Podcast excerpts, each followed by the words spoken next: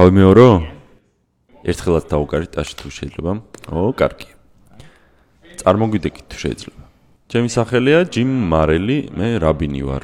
აქ მოვედი რათა გავსინჯო ღმერთის ერთ-ერთი ქმნილება. მარიხვანა დიდი ხნის წინ მაქვს მოწეული, მას მე არ გამისინჯა. ჩემი სახელია კრის შულერი, ეპისკოპალური მღვდელი გახლავართ და მარიხვანა სკოლის შემდეგ არ გამისინჯავს. ჩემი სახელია კარლოს დელერი, მე ვარ კონსერვატორი, ჰომოსექსუალი და ათეისტი. გავიზარდე თავშესაფარში, როგორც სამხრეთელი ბაპტისტის შემდეგ მიშვილეს და კათოლიკე გავხდი და დარწმუნებული ვარ, ეს ყველაფერი ძალიან საინტერესო იქნება. ბოლოს როდის გასინჯეთ მარიხვანა? იქნება 1 საათი გასული. თქვენი რელიგია რას ამბობს მარიხვანას შესახებ? მოწევას არ აუშავს? ვიტყოდი რომ იმ ადამიანთა უმრავლესობას, რომელიც თავს ქრისტიანებად თვლიან, მარიხვანა დიდად არიზიდავს. არ არსებობს ბიბლიური პრეცედენტი, თუმცა ბევრი ქრისტიანი მაინც ეწევა ანაშას. ანაშას აღარავინ ეძახის, ახლა ბალახი ქვია. ანაშას პაპაჩემის თავობა ეძახდა და თან სულ სხვა რამეა. კარგი ხო იყოს ბალახი, ბალახს ეწევი. სპეციალურად თქვენთვის გავწმინდეთ. ცოტა დახმარება დამჭირდება, რა ვქნა, აქ ჩავყარო? მაიც მაიცა ჯერ ასე უნდა აიღო, დაბშნა, შემდეგ ჩაყარო. თუ ყველაფერი ასეთი ადვილია, მაშინ მარტივად შეიძლება მწეველი გავხდე. ერთდროულად დაიჭირე და მოუკიდე, შემდეგ მოკაჩე.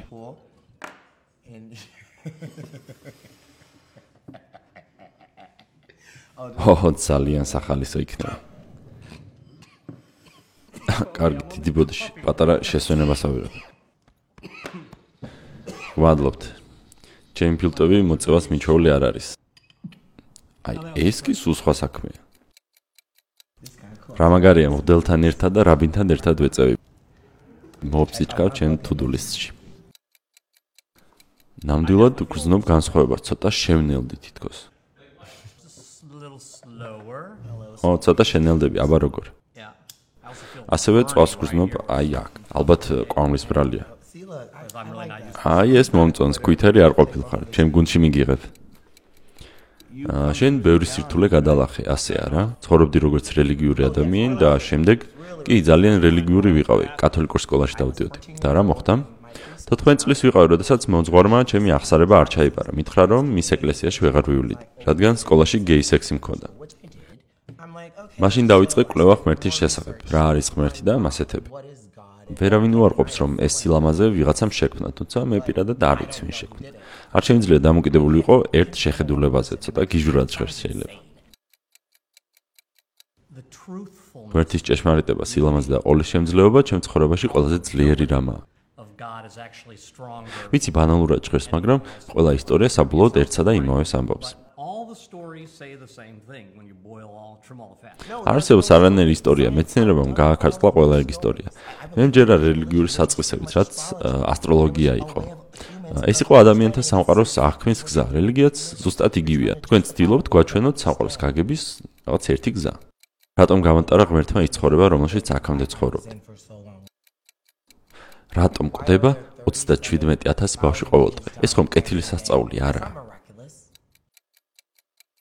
ძალიან დაბოლილი ვარ, მაპატიეთ, ძალიან დიდი ნაპასτα ვარ დღეღან. მინდა გითხრა რომ მარტო არ ხარ. მომწონს შენი აზრები. ყველაფერი რაც შენ თქვი, შენ შესახებ, როგორ ცხოვრობ, რას აკეთებ, ჩემთვის ნიშნავს მხოლოდ ერთს. შენ გწამს რაღაც, შენ გაქვს საბაზისო რწმენა. შენ სოფლიოს და სამყაროს ეკწამს. შენ შეიძლება არ უწოდო ამას ღმერთი, მაგრამ შენში არის რაღაც. რასაც ნამდვილ სულიერ პიროვნებას უწოდებდი.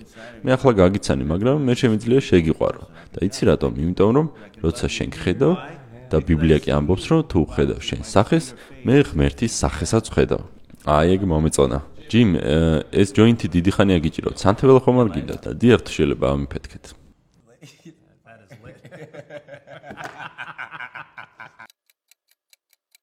შესაძლოა ამან სამივე ჩვენგანზე გაჭრას. უბრალოდ წარმოიდგინეთ ღმერთი როგორც სამყაროში არსებული ყველაფრის ერთობა. იმის მიუხედავად, რომ ეს ყველაფერი შეიძლება არ ვიცოდეთ. კარგია, კარგი აზრია. სხვა პლანეტებზე სიცოცხლის არსებობას გჯერათ?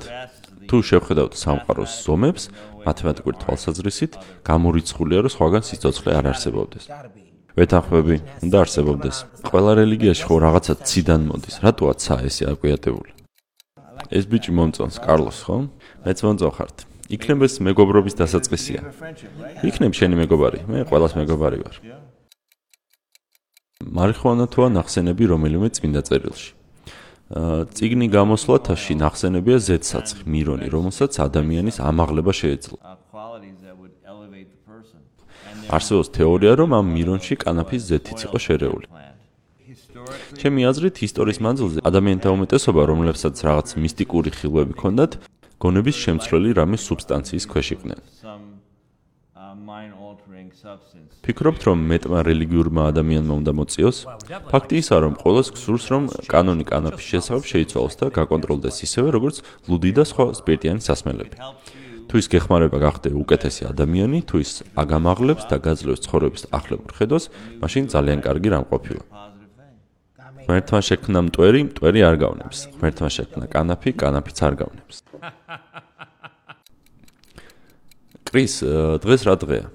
ძიმე ოთხშაბათია. ამ დღეს ბევრი იღებს ფერფლს და შუბლზე ჯვარს გამოისახოს. მგონი კარგი იქნება კანაფის ფერფლი გამოიყენოთ. რა სიტყვით?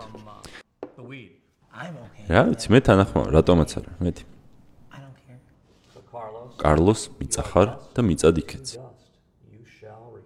ღმერთო ჩემო, ეს ფერფლი კარგი ზეთივითაა. ამას შეხედეთ, ღმერთო ჩემო. ამინ. ამინ. ხომ სწორად გამოსახე. კაი, გინდა მეც გავაკეთო. არც ერთი ლოცვა არ ვიცი. თქვის რაც ყველაზე მეტად გიყვარს, ეს იქნება საუკეთესო ლოცვა. მე გადმოგცემ თქვენ ამ სასიამოვნო ენერგიას. ამინ.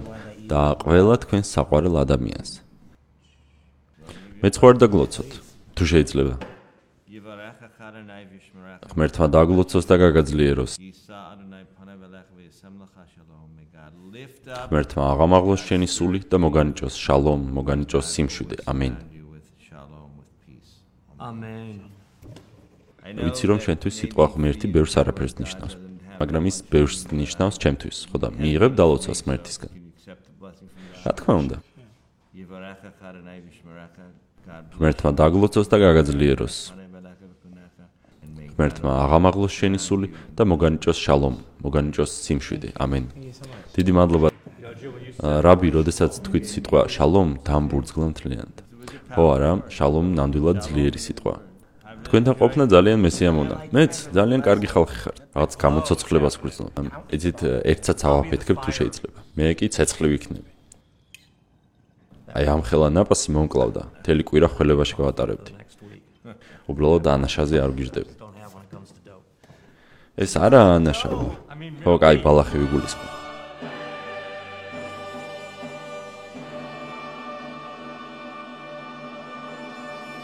Did you guys know about my socks? I saw weed on them earlier.